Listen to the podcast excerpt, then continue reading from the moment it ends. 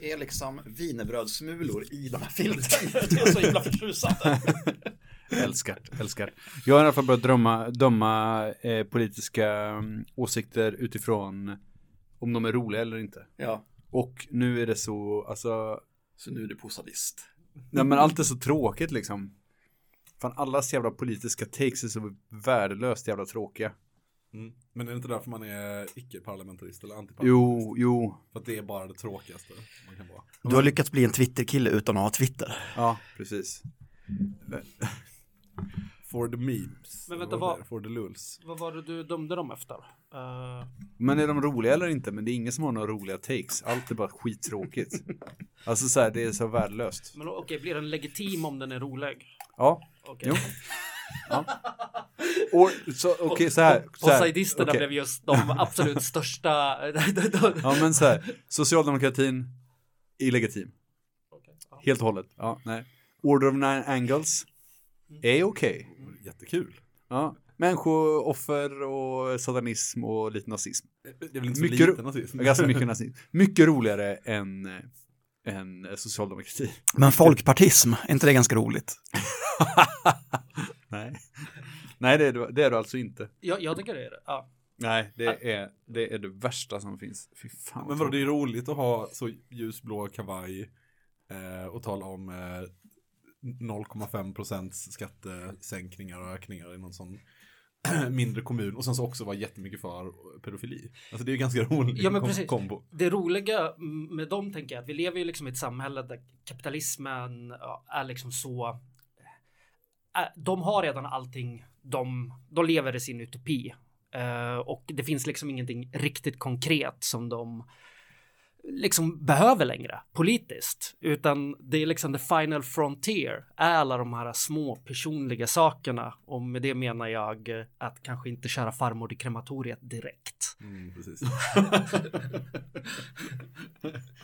att få rätten att få skjuta sina husdjur i en sån medeltida katapult man har byggt själv. Ja, och att barn är ägodelar såklart. Precis. Ja, det här. Och att ägodelar är mer värda än barn. Ja, om man tycker det, för att det är ju ändå bara egendom. Ja. Det är som, jag kan ju gilla mina gamla byxor mer än jag kanske gillar min nya cykel. De är ju liksom inte helt, man kan ju inte jämföra dem rent så här i bruks, bruksvärdesperspektiv, men det är väl som, Man kan känna en, man kan känna en varmare affekt gentemot en, en, en fin gammal byrå än sin förstfödda. ja precis exakt. Klassisk liberal hållning. Har vi ljud eller? Vi har ljud. Vi har ljud. All right. Jag tror att du ligger lite högt faktiskt. Det tror jag inte. Du, du är inte i sen idag, Tor. Du är, li- lite du är lite skör, du är lite aggro, du har lite... Kan jag få... eh, Jag tänker att jag kommer väl att tala så här. Ungefär. Det blir super. Jag eh, var väldigt frustrerad när vi spelade Magic senast. Alltså extremt frustrerad. Mm, jag förstår det. Att det bara inte funkade som jag ville. Har du tagit med dig den dåliga energin hit nu eller? Vad är det du Nej, säger? men jag plockade upp den typ någon gång efter, efter gymmet tror jag. Den hela dagen. Jag är ledsen för det. Jag ska good vibes. Good vibes only i Studio Sörmland. Japp. Ofta väldigt okunnig i de sakfrågor vi diskuterar. Mycket omoget intryck. De är stöddiga. De är otrevliga smäller i dörrar och de ljuger om oss.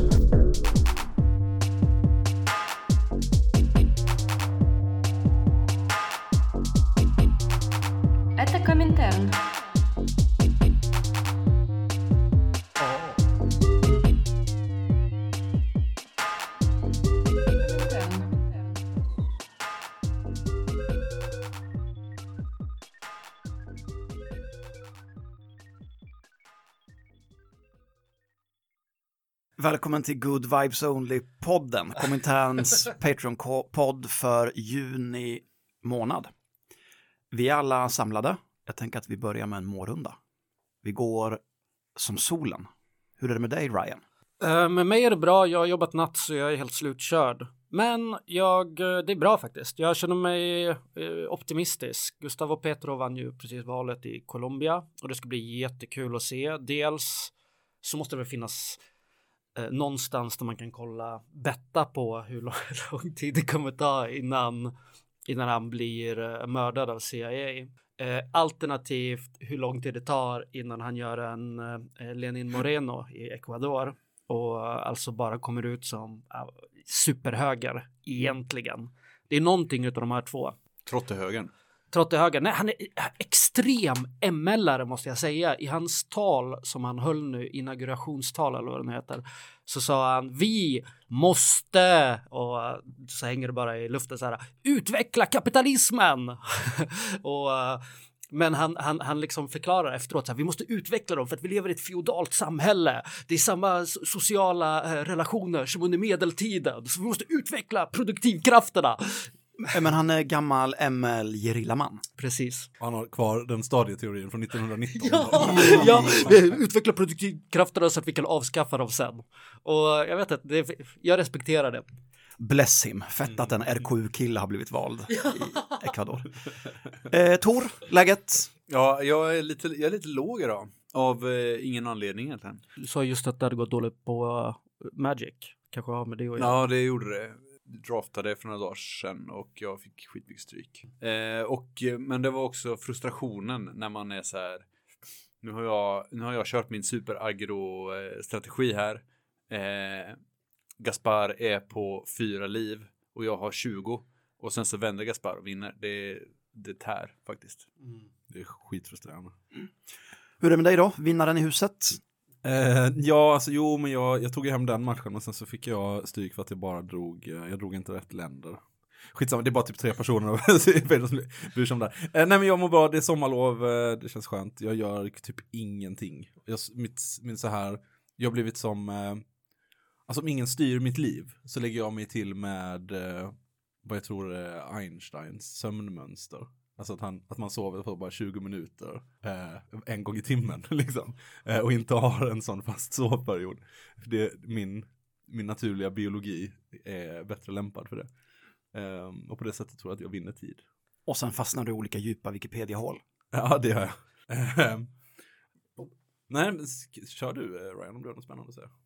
Nej, jag, jag tänkte fråga hur det är med våran, uh, vad heter det, Kingmaker and Kingbreaker. Han som inte har varit här och styrt upp Gaspars liv den senaste veckan. Eh, Exakt. jag har semestrat i Skåne, cyklat runt Ven med en hund i sån hundkorg du är bakom så mig. jävla helylle. Ja. Du är så jävla helylle. Så att jag har semester, jag känner mig utvilad. Det är som hissingen typ, eller hur stort är Ven? Ehm, jag tror att Ven är mindre än hissingen. Man får plats med ven i Det Biskopsgården. kanske är Danmark som är lika stort som hissingen, jag vet inte. Och det låter ju asnice. Ja, ja, men jag har haft det skitbra. Eh, ingenting kan komma åt mig nu. Jag har den känslan, ni vet, av oövervinnlighet. Skönt. Bra. Tänkte jag. Och sen så testade jag en ny träningsform och så vred jag mitt knä till fördärvelse. Så att gymsommaren 2022, goodbye. Du får bara köra mycket överkropp. Mycket du, ska torso. kom, du ska komma och se ut som en sån, den, den platonska hummern. Ha såna gigantiska armar som bara hänger framför dig. Hot Torso Summer 2022. Men du, jag är Lobster boy. nyfiken på vad för Wikipedia-hål du har hamnat i. Eh, jo, men jag eh, följer ju med makabert intresse naturligtvis eh, Rysslands imperialistiska krig mot Ukraina.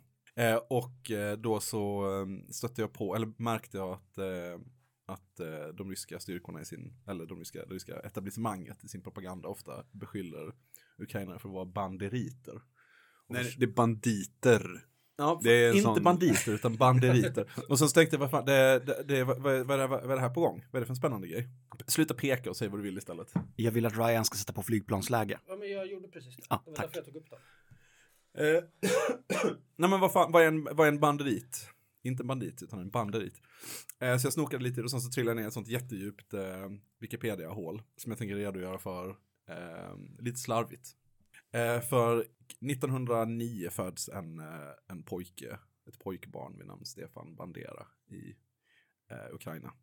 Eh, och han kommer under sitt liv att eh, bli en, eh, ett, eh, en ledande figur inom eh, ukrainsk extremnationalism och fascism.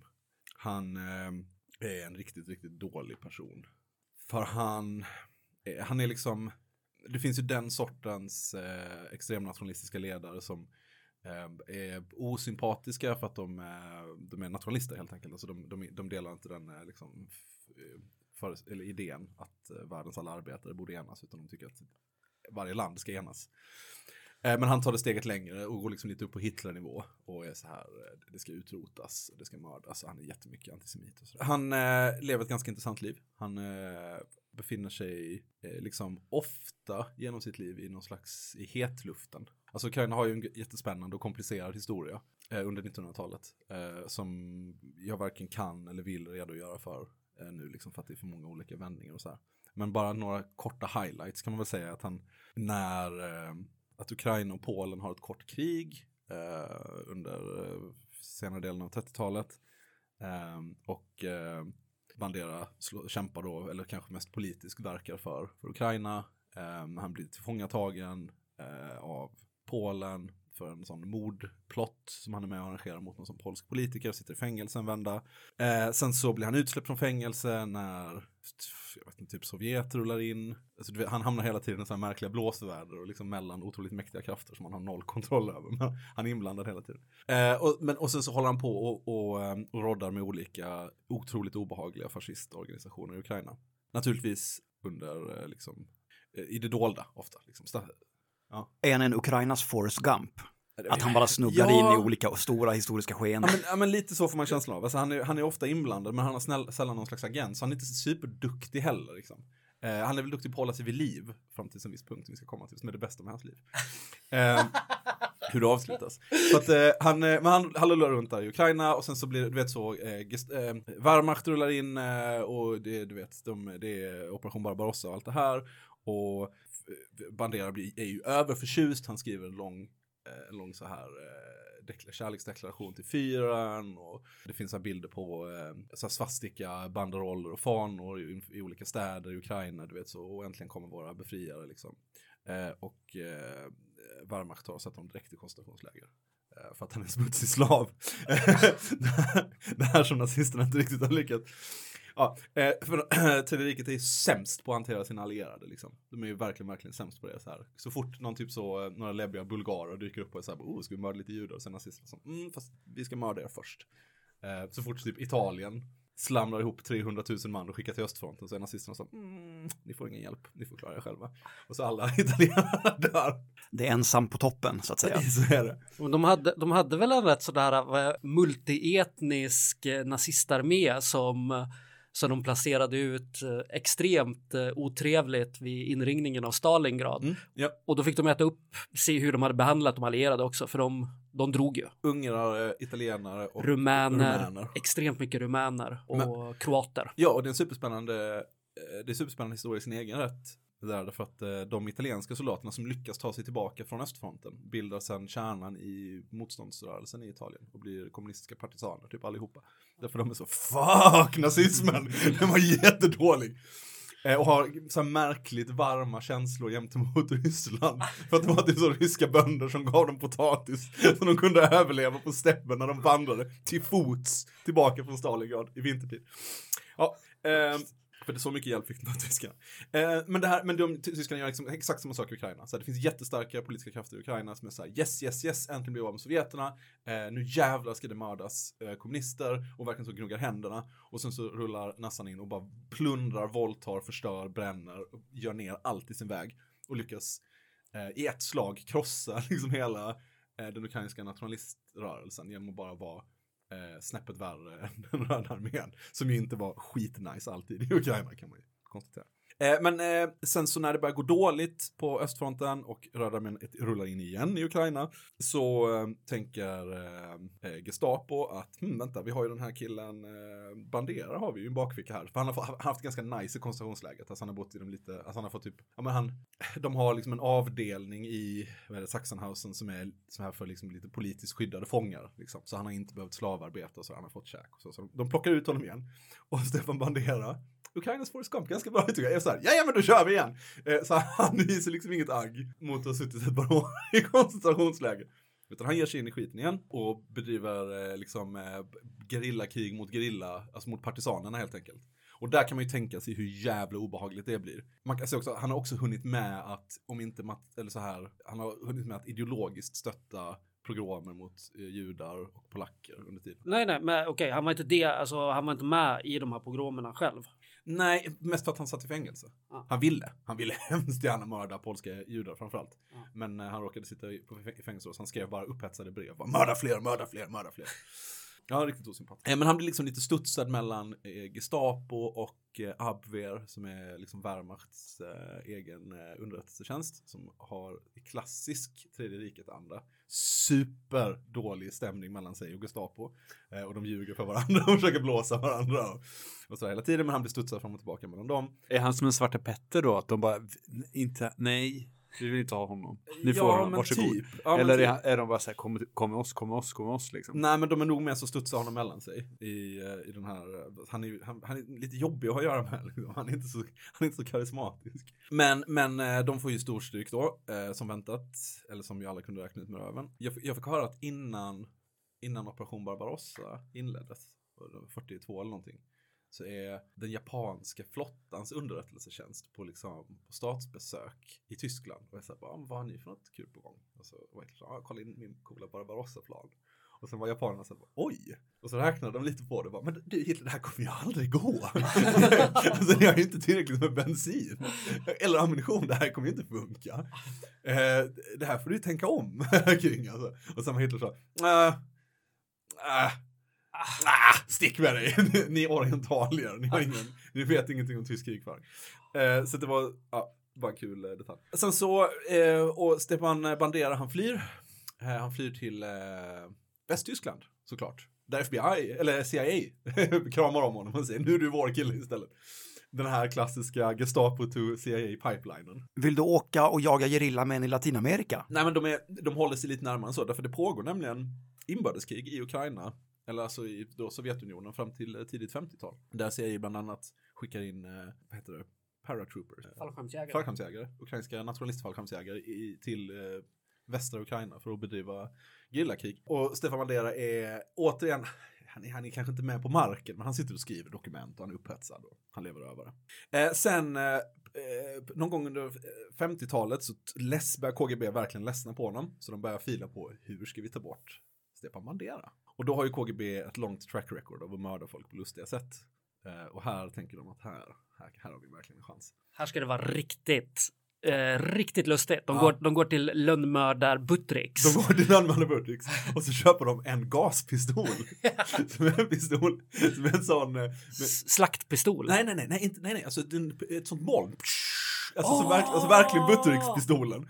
Som skjuter ett sånt grönt moln. Som ett cyanidmoln. Och sen så skickar de eh, en agent hem till eh, eh, Stefan. eh, Som bor i München. eh, Som eh, han lägger sig bakåt för honom. Väntar tills han kommer ner i sin trapp och sen skjuter han cyanidgas i ansiktet på honom. På, hur är det mer praktiskt än att bara ladda den med en vanlig kula om du ändå ska stå och vänta i trappen? Därför att man kan förneka att det är ett mord. Därför man kan säga att eh, han, han dog av naturliga orsaker. Därför att det, det går, det man får nämligen bara en hjärtattack. Han råkade bara ha cyanid i sin vape. Och sen så... Fast det här, du, du har faktiskt rätt för att det blev ett problem. Därför att vad KGBs ursprungliga plan var att de skulle skapa en splittring mellan olika schatteringar i den ukrainska nationalistdiasporan. Eh, därför de mördade först en annan ledare på samma sätt. Men eh, eh, nu kommer jag inte ihåg om det var Bandera eller den andra ledaren, men någon av dem så var visade sig gaspistolen vara för effektiv. Så det gick inte att hävda ens att det skulle kunna finnas ett mord bakom. Det var ingen som trodde på det, att det faktiskt var mord, för det var, såg så naturligt ut. Så, så att den planen föll lite på att de var för, för duktiga. Och faktum var att det var ingen som trodde att det var ett mord fram tills att den här agenten, eh, Bodan Stashinsky, defekterar 61. Han flyr från eh, Sovjet med sin, eh, med sin fru. Det, av, jag kommer inte ihåg varför, det var någon sån ganska banal orsak. Typ. Han, han ville dricka mer Coca-Cola eller vad det var. Weak. Ja, ganska töntigt. Men, men, men Bodan eh, Stashinsky har också ett ganska intressant livsöde. Eh, därför att han blir KGB-agent för att han, han tar, när han är typ 19 eller 20. Jag kommer inte ihåg, jag tror, jag tror att han är alltså rysk, rysk-sovjetisk, inte Ukraina. Eh, när han tar tåget till sin, till sin faster eller någonting. Eh, så har han inte råd att köpa biljetten. Eller betala för biljetten. Så han tänker, ja, men jag plankar. Rimligt. Men han torskar. Han torskar på det. Och när man torskar på planka så kommer det inte typ så tre barska killar i vita kepsar i, i den här perioden i Sovjet. Utan då blir man inplockad till KGB och så säger de nu är du vår agent. Därför vi tror att din moster eller vad nu han skulle träffa är en dissident. Så nu måste du börja spionera på henne. Eh, och Stasinski är tydligen så vek att han bara okej, kör på det. Och sen så går han in, inleder han en livslång bana då som agent. Han går liksom på KGB så här agentskola, åker till München och lönnmördar folk vid två tillfällen, har massa sånt fuffens för sig. Tills han då till slut, på grund av någon slags familjerelaterad grej, eh, han kanske vill ha barn men det går inte och sen så är det någon, jag kommer inte ihåg exakt men vilket fall, han och hans fru, de gör en sån här klassisk kalla kriget-grej eh, där de liksom typ så har förfalskade pass och flyr över gränsen och da Och så kommer han till väst, Västtyskland eh, och går raka vägen till polisen och är så här bara, jag har begått de här morden, jag är KGB-agent och polisen är bara så skojare, det blir ingenting med det. Eller, ehm, eller han går till, eh, till CIA och säger det här och, och CIA bara så nej, det vi tror inte. Och sen så, men sen så ger sig inte riktigt Staszinski, utan han, han går liksom då till den tyska polisen och säger jag har begått två mord i München, jag har dödat två människor med min gaspistol. Eh, och den tyska polisen säger oj, jaha, det får vi ju kolla upp liksom. Och så gör de en klassisk mordutredning. Eh, och när de gör den här mordutredningen så stämmer ju allting bådan säger. Och då är de så här bara, men hallå CIA, vi får titta lite närmare på det här. Vi tror inte att den här killen har byggt sin egen cyanidgaspistol. Utan han, han har nog med KGB att göra. Då plockar de upp honom, och sen så försvinner han från jordens yta. Det är ingen som vet var han är idag. Eh, det, finns typ så, eh, möjligen finns det, finns det något spår av honom typ Sydafrika, kanske bor han i USA, ingen vet riktigt, han bara försvann. Så två, två clowners livsöden, två personer, Stepan och eh, vad hette han? Bådan. Bådan, bara kastas runt av historiens omständigheter tills de råkar korsa vägarna. Ja, och... men för första gången i sitt liv så får Stefan Bandera någon slags relevans genom sin död. Därför att kanske är det så, kanske är det så att Bordan får dåligt samvete när han skjuter Stepan i ansiktet med sin gaspistol. Kanske är det därför han defekterar till slut. Och att han defekterar, det blir en jättestor skandal i Sovjet. Och vem är, vem är eh, Bordans största liksom, mecenat inom Sovjet? Jo, det är en, en gammal eh, Sovjethöjdare vars namn jag glömde skriva ner. Slipin. Schlipin, Schlipin, skitsamma. Eh, som har goda chanser att bli eh, nästa hövding i Sovjet. Men blir så misskrediterad av den här bådan, katastrofen, fiaskot, att Khrushchev kan glida in istället. Pang! Ta hans plats. Och därigenom lyckas Stefan Bandera för första gången genom sitt sorgliga jävla liv ha någon slags relevans i eh, världshistorien. Kul! Mm. Fett! Det var ett jävla Wikipedia-hål ska jag säga när jag gick och snokade i det här. Så, om man inte hade plankat på tåget den där dagen så hade världen sett väldigt annorlunda ut. Ja, kanske eller inte, vem vet. Vi hade talat ryska. eh, kan vi skrapa ihop en topp tre, deras död var det enda relevanta med deras liv? Mm, det borde gå att göra. Jag kastar in Spaniens första astronaut. låt höra, låt låt Ja, men är det inte det som sägs Carrero om den här, Blanco. precis, fascistledaren som sprängdes, Ah, bilbomb, okej, den faktiska. av Okej, mm. ETA. Ja. Vänta, sprängde de sin enda astronaut? Nej, nej, nej. Okej, Carrero Blanco, han skulle vara Francos arvtagare. Ja. Han var riktigt hård för liksom eh, fascist. Eller om man nu, man nu ser, vi ska inte ge oss in i det vad är fascismhålet just nu. Men i alla fall, han skulle ta över efter Franco. Han var ju också, eftersom att han är spanjor, så var han ju väldigt så religiös liksom. Katolik gick i, i kyrkan varje, varje söndag liksom. Så han, eh, och han hade också, eftersom att han var fascist, så tyckte han att det här med ordning och punktlighet är väldigt viktigt liksom. Så han parkerade sin bil varje dag på samma ställe, eller varje söndag på samma ställe. Inte så slukt kanske. Men eh, Ordnung muss sein liksom. Och sen så, så då så köpte eller hyrde ETA fastigheten på andra sidan gatan och så, så grävde de ett stort schakt liksom under, eh, under där hans bil skulle stå. Så att alltså, och fyllde med så jävla mycket sprängämnen. Så att när han kom där en söndag så bara tryckte de på knappen och hans bil liksom slungas över husen och landar på en innergård bredvid. Och bitar av honom hittas ju liksom över hela Madrid sen. Liksom det är, han, är, han är bokstavligt talat sprängd i små bitar. Det här har ju lett till en väl värd googling att googla Carrero Blanco memes. Eh, det är allt som har med en flygande bil att göra kommer någon, eh, någon så spanjor eller basker eller katalan ha suttit och eh, gjort ett, ett meme kring. Ah. Väl värd en googling. Har vi en tredje? Alltså mord. Eh, eh, Eller bara roliga historiska öden. Personer som bara blivit relevanta genom sin död. Jag kan dra en annan som inte är det. Portugals eh, fascistpresident. Vi kommer på tala, tala om någon som har dött nu. Ja, det tänker jag. Portugals fascistpresident som sitter och väger på stolen, trillar av och slår huvudet så hårt att han dör. Myntat begreppet i Portugal att om man börjar prata som rasistiskt och uh, bete sig som en fascist så säger folk se upp så att du inte trillar av stolen. Ja, äh, ska vi hoppa in på uh, pedofilgate eller? Ja, Ja, Ja. let's do it. För det råder ju någon slags, inte i paritet med satanic panic, men pedofilfrågan är ändå på tapeten igen, eller hur? Ja, Ja, varför är den det? Vill någon dra en kort recap? det är bortsett från att eh, alla personer som kan avslöja att vi lever i en konspiration eh, styrs av en kabal som har sex med barn eh, i USA och i resten av världen så har ju Patrik Sjöberg startat eh, och vad heter hon, Sara Nilsson? Ja, eller vad hon heter, uh, har ju en sida som heter Dumpen och Dumpen är uh, Swish-journalister uh, eller hur man nu ska kalla det. De, de catfishar personer på internet och utger sig för att vara minderåriga. Sen bestämmer de träff med personen de chattar med och när personen dyker upp så står de där med kameror och sen så lägger de ut det här på sin sida och promotar det i ja, lite överallt.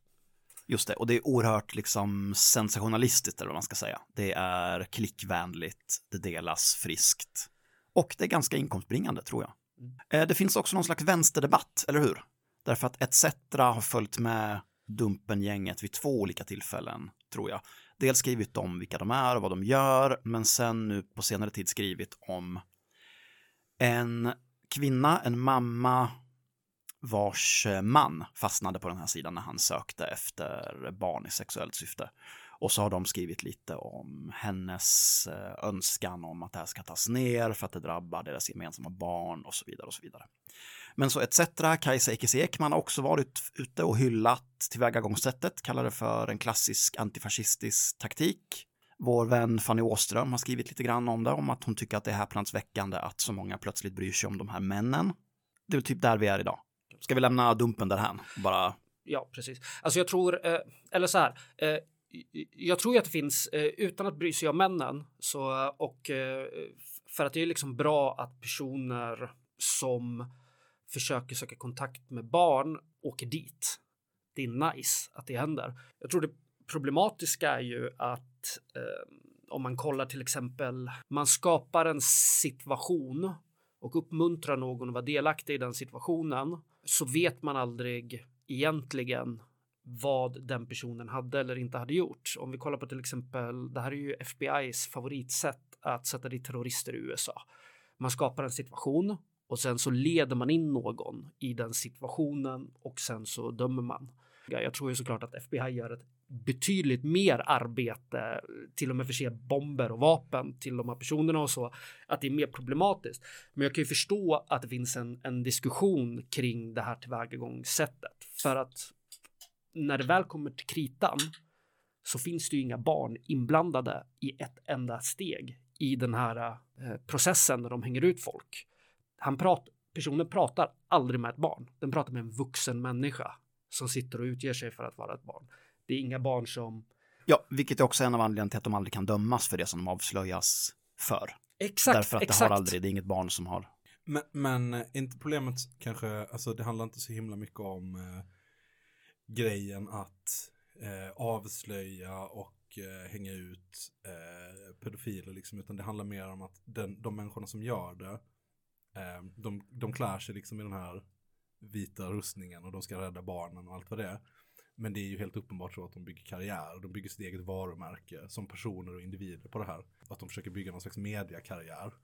Och då eh, och kanske att fokus ligger väldigt mycket på det då, vad, vad man tjänar pengar på, nämligen sensation, det sensationella klickjournalistiken och bla bla bla.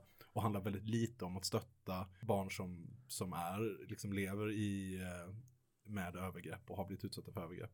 Och handlar väldigt lite om förebyggande arbete, utan det är väldigt mycket så, okej nu har det här obehagliga hänt, nu ska vi tjäna pengar på att det har hänt.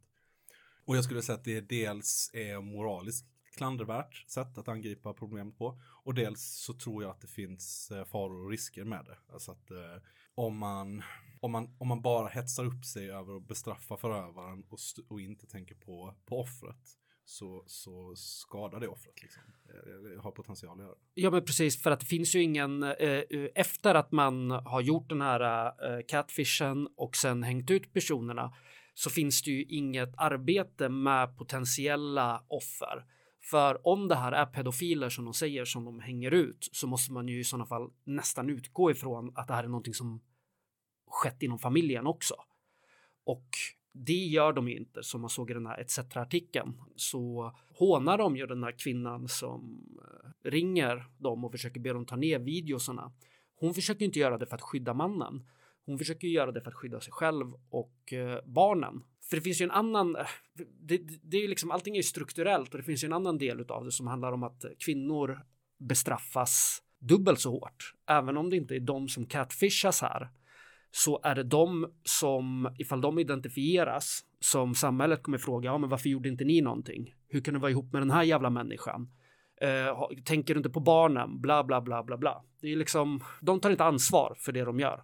Eh, hade de verkligen brytt sig om att förebygga eller förhindra och sätta dit på ett, på ett, alltså inte bara på ett känslomässigt plan utan också som en, som en politisk form av politisk aktivism så hade de ju också brytt sig om om vad som sker när mm. de gör de här sakerna. Och så görs det istället, tycker jag ofta på den här hemsidan med en så här smaklöst skämtsam, återigen sensationalistisk eh, slaskton liksom.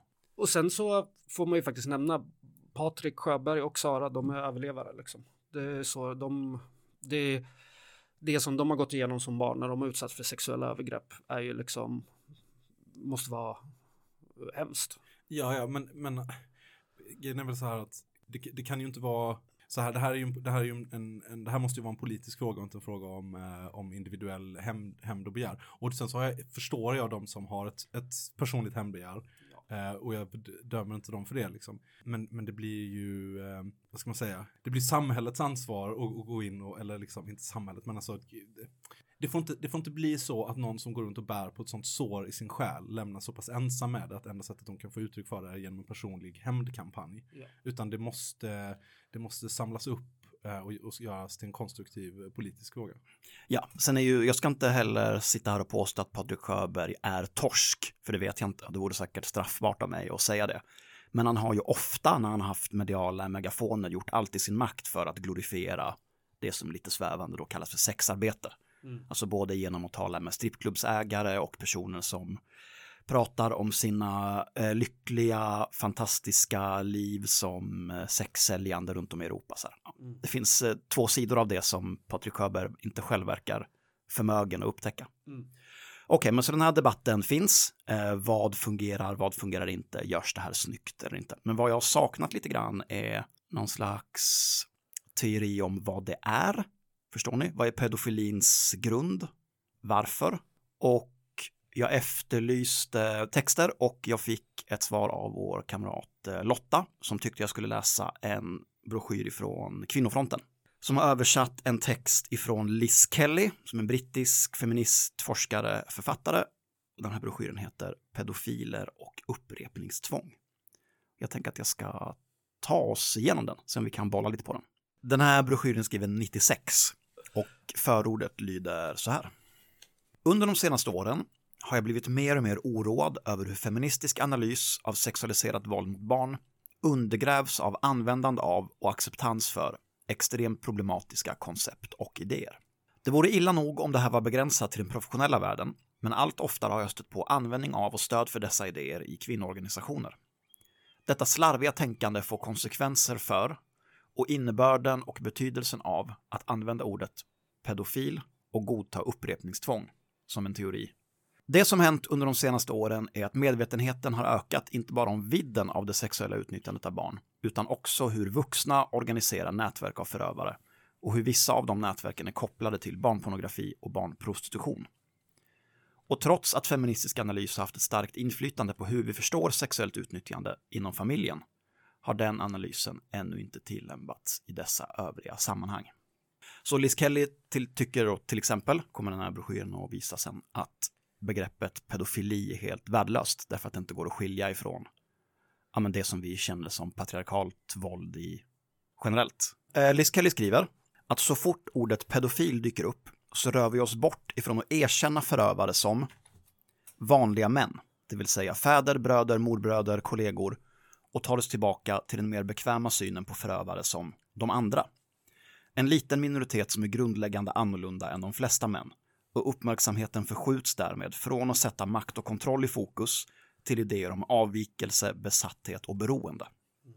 Okej, så det är den, eh, den gamla klassiska invändningen att våldtäktsmän f- eller sexuella förövare inte för det mesta är slemmiga grå män i trenchcoat som står liksom och hänger utanför lekplatser. Mm. Utan att det är Ja, men precis. Lars på Sony Ericsson eller någonting. Ja. Eh, Exakt. Och på ett väldigt bekvämt sätt så slipper vi som är samhället i stort typ diskutera kritiskt våld och makt och kön och kan istället prata om de här sjuka, sliskiga männen i trenchcoat som söker efter Patrik Sjöbergs barnalibi på internet. Ja, jag tyckte att det var uppfriskande. Ska jag fortsätta? Ja. Kör. Konstruktionen av pedofili, pedofili som en specifik sexuell läggning hos en minoritet fungerar som en avledning från frågor om den utbredda sexualisering av barn, och då i synnerhet flickor, i den västerländska kulturen och hur vanligt förekommande sexualiserat våld är.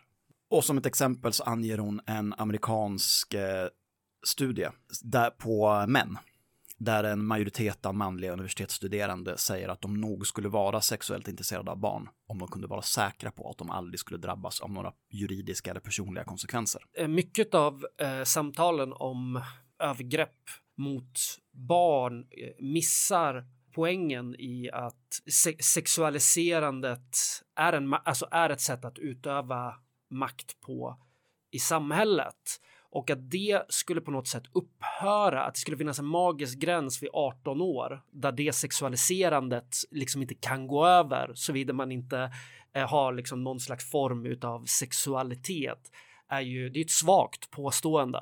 För vem är det som är liksom den upphöjda eller så här, den ideala heterosexuella partnern idag? Liz Kelly beskriver henne som en liten, yngre, smal och med så lite kroppshår som möjligt. Om det var sant 1996 så är det sant idag också. Jag hade en, eh, när jag var i Australien och jobbade på det här skeppet, så hon som var, jobbade i köket, eh, en god kamrat, hon, ehm, Australien är ett väldigt, väldigt patriarkalt land, liksom, offensivt patriarkalt liksom. Och, eh, och då så brukade olika så okända män på ja, sportevent eller vad man nu höll på med liksom. Höll på och hetsade mot henne hela tiden för att hon inte rakade sig. Och då så brukade hon använda det som ett svar tillbaks. Ja, ah, men du vill att jag ska vara som en liten, som att jag inte har genomgått puberteten än liksom. Utan du vill att jag ska vara helt hårlös. Som ett, som ett svar. Men det är ju samma, det är, det är ju samma, en, ett annat sätt att säga samma analys liksom. Och det är ju också, alltså man vet ju också att samma, samma män som står så och liksom brötar och skriker om sådana saker är också sådana som håller på och vrålar, häng pedofilerna i deras egna tarmar högt. Eh, och det, alltså, man blir vansinnig av den, eh, eh, av den jävla skiten helt enkelt. Jag vet inte hur man ska uttrycka det, alltså det den, Ja, den patriarkala dynamiken. Ja, men förlåt, nu avbryter jag det, men det finns ju verkligen ett suspekt behov hos vissa skikt av män i samhället att hela tiden distansera sig från det som är den andra. De sjuka, de perversa, de avvikande. Eh, och det är ju när man måste försvara en ideologi eh, i vilket det här är vanligt förekommande. Jag tänker på uh, våld eh, och eller sex, ja, men sexuellt våld allmänt. Så måste man säga att det finns en positiv naturlig ordning där ute som är eh, social och sexuell ordning där män är vad heter det, överlägsna eller det är de som är de naturligt dominanta och sånt. Men i den här mansrollen så kan man ju aldrig säga att våldtäkt eller pedofili är en del utav det. Och då är det enda sättet att kringgå det är ju att patologisera de tillstånden. Det kan inte vara en del av av den sociala ordning som de förespråkar, det vill säga ett superpatriarkalt eh, kapitalistiskt eh, samhälle. Liksom. Det måste vara någonting annat. Just det. Jämför hur mycket medial uppmärksamhet det får när en av de här männen som eh, Patrik Sjöberg fångar är någon typ av, jag vet inte, företagsledare eller kändis på något sätt. Och jämför det med hur lite uppmärksamhet det finns, det fick när FBI hittade 70 13 videos på en flicka som var anmäld försvunnen i USA på en av de största liksom porrstreamingstjänsterna. Det är ju något som är skevt då, eller hur? Och jag menar skälet till att det är möjligt att man kan ha en minderårig tjej på att det liksom kan förekomma att man inte att det liksom inte går att förväxla om den här 15 eller 18 är ju just eh, porr strävar hela tiden. Den tänjer på gränserna att kunna presentera sitt material så mycket som möjligt som att det här är någon slags form utav minderårig. Eh, Det är oklart vart åldergränsen går. Kanske blir personen just 18. Vem vet? Hahaha, blink, blink, blink. För att eh, om porr.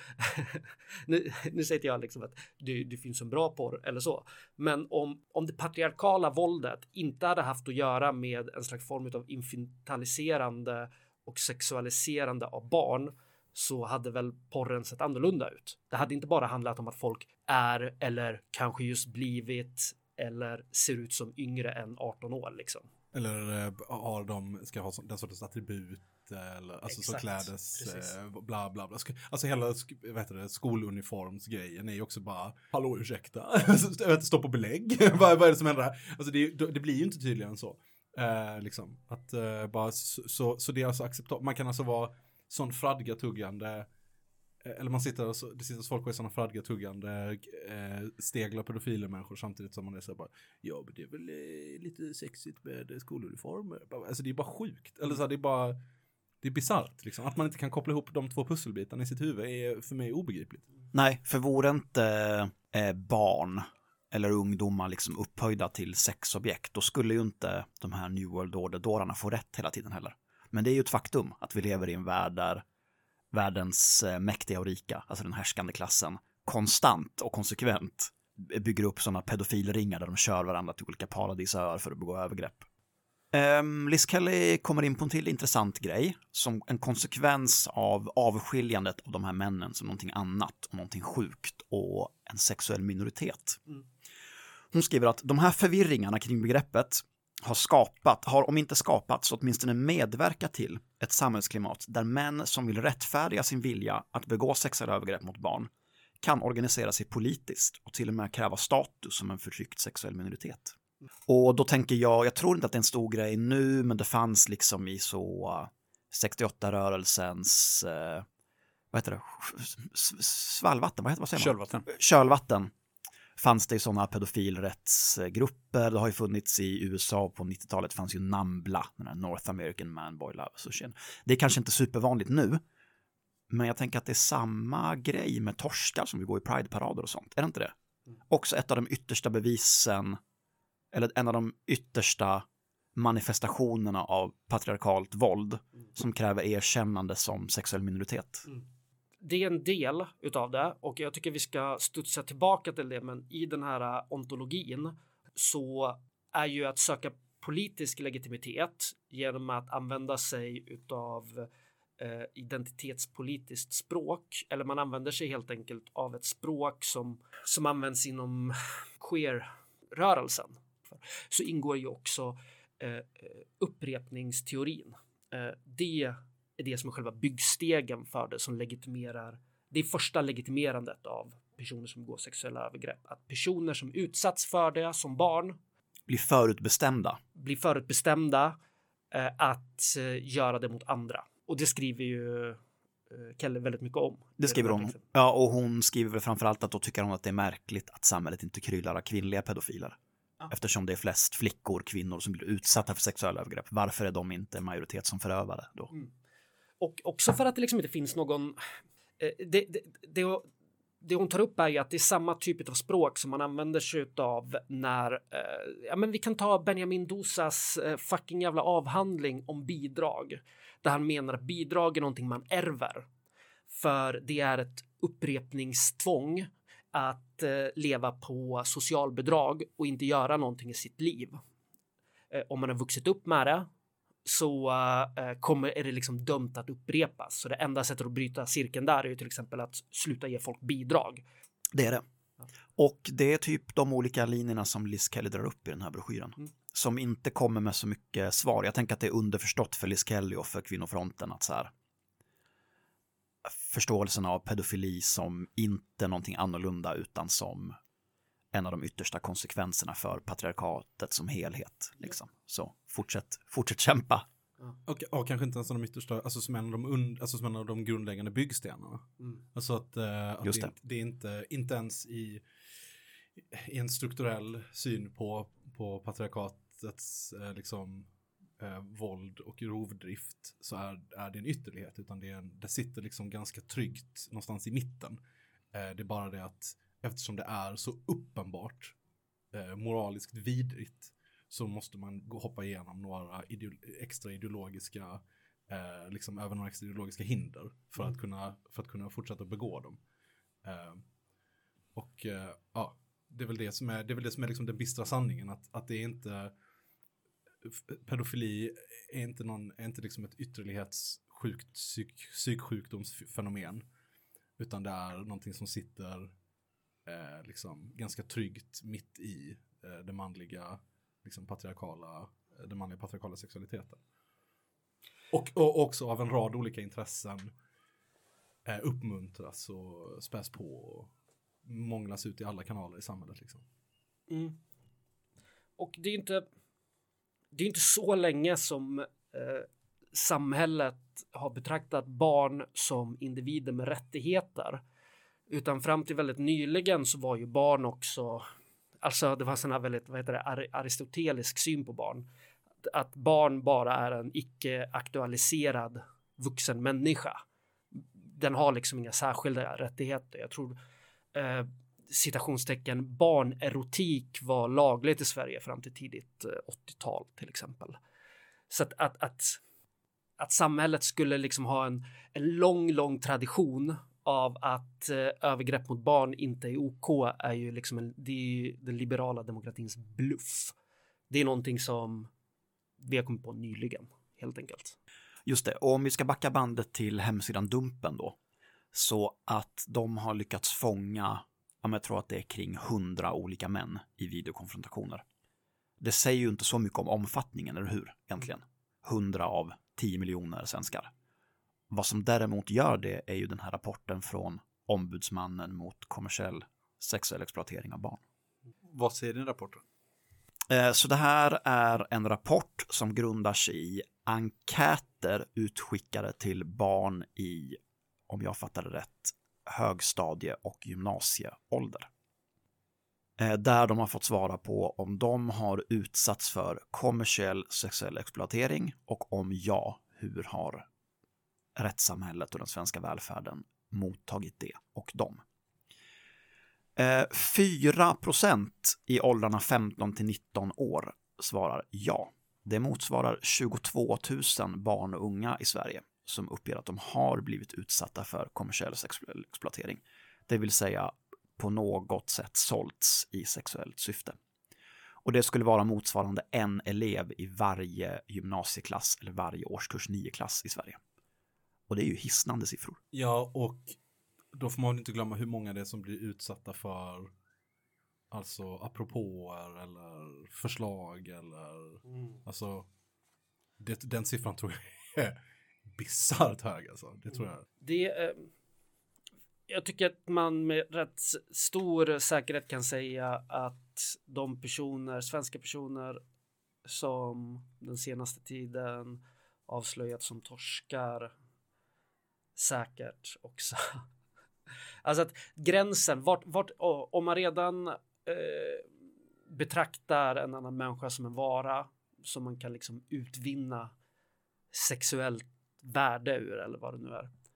Så det, jag tror inte gränsen är där. Det, gränsen, gränsen som man passerar för att kunna betrakta en, en annan person på det sättet innebär inte att man kan köpa sex av en vuxen människa utan det innebär helt enkelt att alla människor börjar uppträda som, eh, som varor och objekt. Helt enkelt. Just det. Sen är den här rapporten ganska kritisk mot eh, rättsväsendet. Jag kan dra igenom lite statistik helt eh, kort bara innan vi bryter för idag. År 2020 gjordes 163 anmälningar av utnyttjande av barn genom köp av sexuell handling. Av dessa ledde 11 till fällande dom och ingen till fängelse. Det är också så, alltså, alltså diskrepansen mellan hur eh, vad heter det, eh, liksom tongångarna går i media, i det allmänna samtalet och hur det faktiskt behandlas. Alltså det är så talande för den här, den, liksom, den strukturella, eh, den strukturella sexismen och det, sex, alltså det strukturella patriarkala i rättssystemet. Det, det, liksom, det blir, kan ju inte knappast bli tydligare.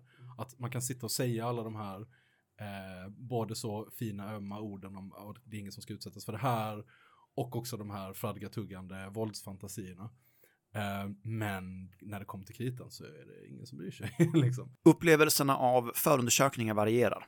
En genomgående brist är att utredningarna tar väldigt lång tid, många gånger flera år. Den långsamma handlä- handläggningen är ofta förenad med en brist på kommunikation och information till barnet.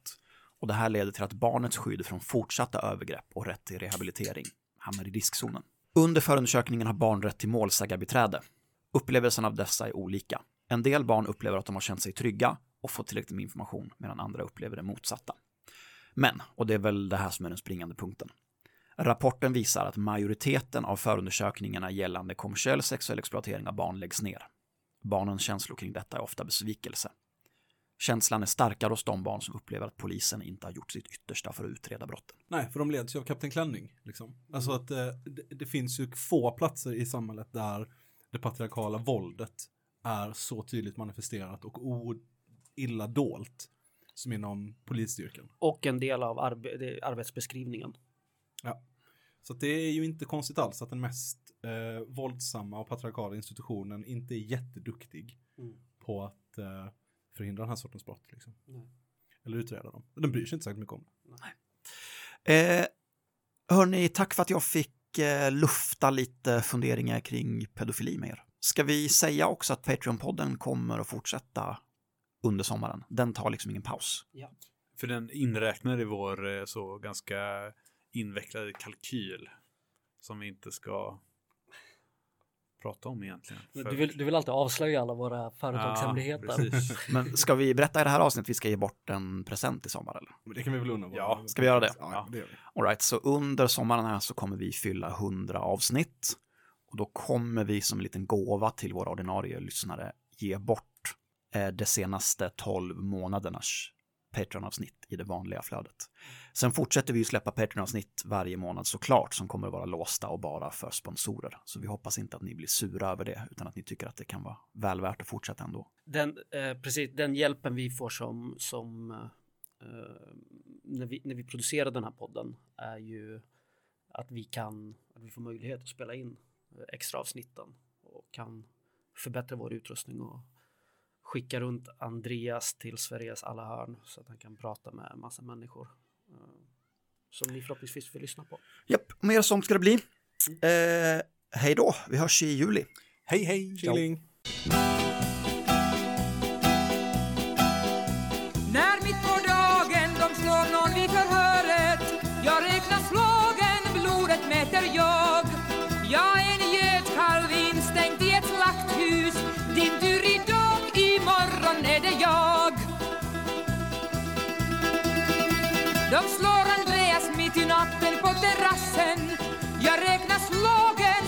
Smärtan jag. Men genom cellens väg hör du mig åter. Tack, tack, slår du, tack, tack, slår jag. Och genom muren förs vårt hemliga språk. Jag lever än, jag håller ut. Då börjar festen stiga djupt ur våra hjärtan. Tack, tack, slår du, tack, tack, slår jag. Tack, tack, slår du, tack, tack, slår jag.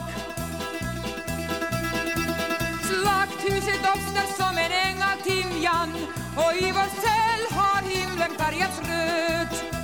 Slakthuset doftar som en äng av timjan och i vår cell har himlen färgats röd.